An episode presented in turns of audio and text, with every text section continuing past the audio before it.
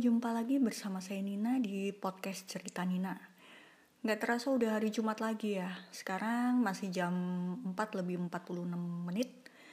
Sengaja saya pilih pagi hari setelah subuh karena suasananya tuh masih sepi dan belum berisik. Biasanya saat sepi itu saya melakukan pekerjaan rumah tangga di area luar, seperti buang sampah atau menyapu teras. Saya tuh sebenarnya males banget melakukan pekerjaan rumah tangga. Saya nggak tahu kenapa mungkin karena pekerjaan rumah itu kan pekerjaan yang sangat berat tapi nggak ada rewardnya. Jadi bukan prestasi yang harus diraih gitu loh. Waktu saya masih belum menikah dan masih tinggal dengan orang tua tiap hari kami sekeluarga melakukan pekerjaan rumah tangga secara gotong royong. Jadi sudah pasti saya malas itu bukan karena didikan orang tua. Kan beliau nggak memanjakan saya tapi bisa jadi justru karena keterpaksaan dan kewajiban yang menyiksa itulah yang membuat saya ketika udah punya rumah sendiri tuh saya pengennya merdeka. Saya nggak mau disuruh-suruh dan saya nggak mau diribetin dengan hal-hal yang nggak penting. Apalagi ibu saya itu kan cara berpikirnya tuh ribet banget dan nggak praktis. Jadi sewaktu masih tinggal dengan orang tua, ibu itu kadang menyuruh saya untuk mengerjakan sesuatu yang nggak penting dan menyiksa waktu saya.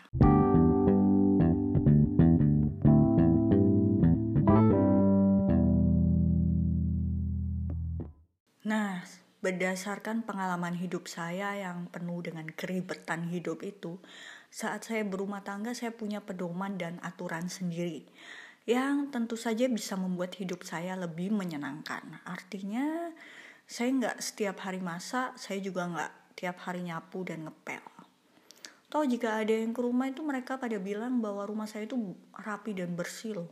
Termasuk ibu saya. Padahal ya sebetulnya ya baru saya sapu menjelang mereka datang sih. Kalau kerapian itu mungkin udah penyakit ya. Gitu. Mungkin juga hasil didikan orang tua. Saya tuh nggak bisa tahan. Saya tuh nggak tahan lihat rumah berantakan. Saat renovasi rumah saya nggak seperti orang lain yang pengen punya rumah dengan gaya klasik atau minimalis dan sebagainya. Ide saya itu cuman gimana caranya kalau rumah ini ditinggal seminggu, dua minggu, tapi tetap terlihat bersih. Lalu gimana caranya supaya saya nggak ribet merawat rumah. Jadi pemilihan material itu buat saya cukup penting. Demi kemewahan me time. Terutama teras rumah saya itu sibuk membandingkan bahan lantai yang cocok untuk teras rumah yang debu tuh nggak gampang nempel. Jadi walaupun jarang disapu, tetap terlihat bersih seperti disapu setiap hari. Lalu saya juga memilih tanaman yang mandiri, yang walaupun sering dicuekin tetap tumbuh sehat. Saya tentu saja nggak akan pelihara tanaman gelombang cinta yang daun lebarnya itu perlu dilap satu persatu. Terus biar lebih glowing dilap lagi pakai air susu. Aduh aduh aduh aduh aduh. Nggak mungkin lah itu saya lakukan. Pokoknya kalau berhubungan dengan kemalasan tuh saya mendadak jenius gitu. Jadi saya sering sekali browsing browsing teknik-teknik yang membuat uh, yang bisa mendukung kemalasan saya. Saya nggak masak setiap hari. Itu bukan berarti juga setiap hari jajan. Ya bisa bangkrut dong kalau kayak gitu. Saya menggunakan teknik meal prep.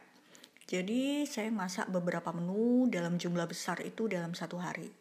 Lalu dimasukkan ke dalam wadah-wadah tupperware dan disimpan ke freezer selama dua minggu. Jadi sebulan itu saya hanya masak dua kali. Ribet blender bumbu numis cuci peralatan masak berantakin dapur ah itu udah cukup dua kali dalam sebulan aja lah. Sebelum makan biasanya saya memanaskan kembali dengan microwave atau dikukus. Tapi belakangan ini saya lebih sering pakai panci kukus sih karena lebih hemat listrik aja. Ke supermarket pun saya juga udah punya list apa aja menu untuk dua minggu ke depan. Jadi sebelum berangkat ke supermarket itu saya udah tahu bahan masakan apa aja yang harus saya beli berapa budgetnya, menu apa aja yang saya masak, dan pertimbangan waktu memasak. Terus terang saya nggak bisa seperti ibu-ibu yang punya skill belanja spontan tanpa terencana. karena saya juga nggak suka menyimpan bahan masakan basah ke dalam kulkas kebiasaan banyak ibu-ibu rumah tangga itu kan pada umumnya belanja sebanyak-banyaknya kemudian disimpan di dalam kulkas tapi kemudian nggak sempat masak. Lalu tahu beberapa hari uh, kemudian layu terus membusuk di kulkas. Hmm nggak nggak nggak. Saya nggak suka kulkas saya. Ada bahan mentah yang membuat kulkas menjadi bau. Lagi pula saya itu males banget beresin kulkas. Jadi nggak perlu lah diisi dengan bahan-bahan yang aduh nggak tahu entah kapan dikonsumsi lalu kalau nyuci baju dan setrika gimana itu kan pekerjaan rumah tangga yang sering banget ditunda ibu-ibu sampai akhirnya membukit. Caranya ya jangan ditunda-tunda. Terutama sejak era pandemi ini saya makin jarang menggunakan mesin cuci. Jadi mesin cuci itu akhirnya saya pakai untuk bed cover atau spray. Kami berdua itu jadinya mencuci baju sendiri-sendiri setelah beraktivitas di luar rumah, saat masuk rumah saya langsung meluncur ke kamar mandi. Baju dan masker yang tadi saya pakai itu langsung saya rendam di ember, kasih deterjen cair.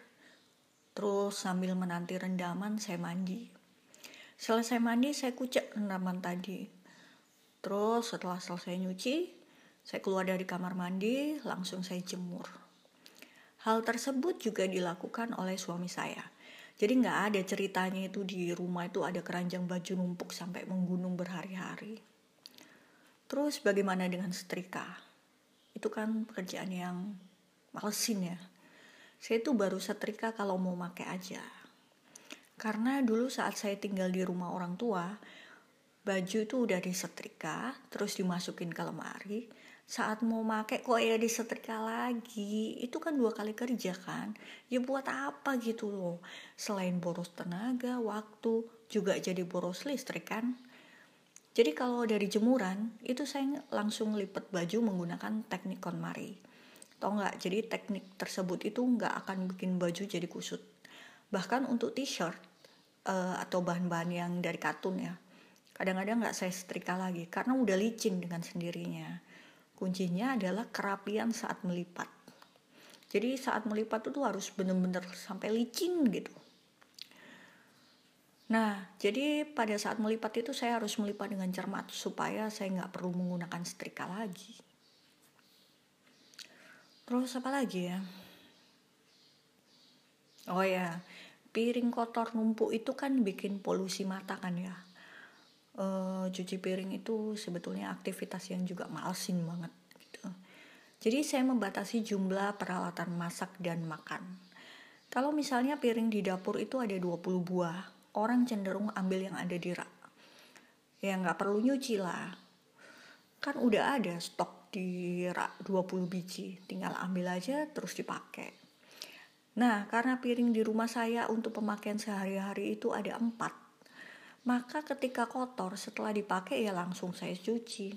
Karena nggak ada cadangan lain. Jadi mau nggak mau memang harus kudu nyuci. Supaya ketika mau pakai lagi piringnya udah kering. Dan memang nggak ada cerita di rumah saya itu ada piring kotor numpuk-numpuk sampai menggunung. Ya kan piringnya cuma empat. Lalu kalau males kayak saya gimana caranya memotivasi diri untuk mengerjakan pekerjaan rumah. Saya biasanya pakai timer. Sebetulnya ada banyak teknik sih supaya bisa fokus mengerjakan pekerjaan rumah tangga. Teknik yang sangat ngetop itu sebetulnya teknik Pomodoro, teknik dari Jepang yang menggunakan timer 25 menit, terus istirahat 5 menit, lalu diulang sampai 4 kali. Buat saya yang buat saya ya, teknik itu terlalu berat untuk saya yang pemalas ini. Melakukan pekerjaan rumah tangga 25 menit itu aduh, itu lama banget kalau buat saya. Kalau zaman dulu saat masih sering nonton TV, saya menggunakan iklan TV yang lewat untuk mengerjakan pekerjaan rumah tangga. Iklan TV itu kan sekitar 5 menit kan. Nah biasanya satu acara itu kan satu jam ya. 5 menit, uh, 15 menit acara terus ada jeda 5 menit untuk iklan. Nah waktu jeda itu saya saya pergunakan untuk ngelap meja nyapu dan sebagainya. Begitu satu jam acara tersebut selesai pekerjaan rumah saya udah beres. Nah karena saya sekarang udah nggak nonton TV jadi untuk memotivasi saya cukup kasih waktu 2 menit aja. Bayangin dari lima menit itu jadi dua menit. Gimana nggak males coba. Tapi menurut saya dua menit itu nggak lama di dalam pikiran saya. Jadi misalnya angkat jemuran sama ngelipet baju ya itu saya breakdown jadi uh, dua menit angkat jemuran. Setelah itu malas-malasan. Ntar kalau udah niat lagi dua menit untuk ngelipet baju atasan terus dimasukin drawer. Ya gitulah seterusnya karena di pikiran saya itu dua menit itu nggak lama gitu loh. Jadi kalau mau melakukan sesuatu gitu saya saya biasanya membatin ah cuma dua menit nggak lama gitu. Nah kebiasaan-kebiasaan saya yang males ini saya terapkan juga di kantor.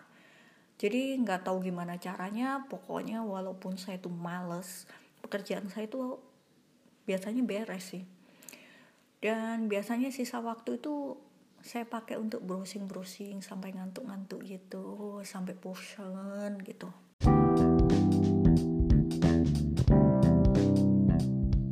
Saya jadi inget kata-kata teman saya.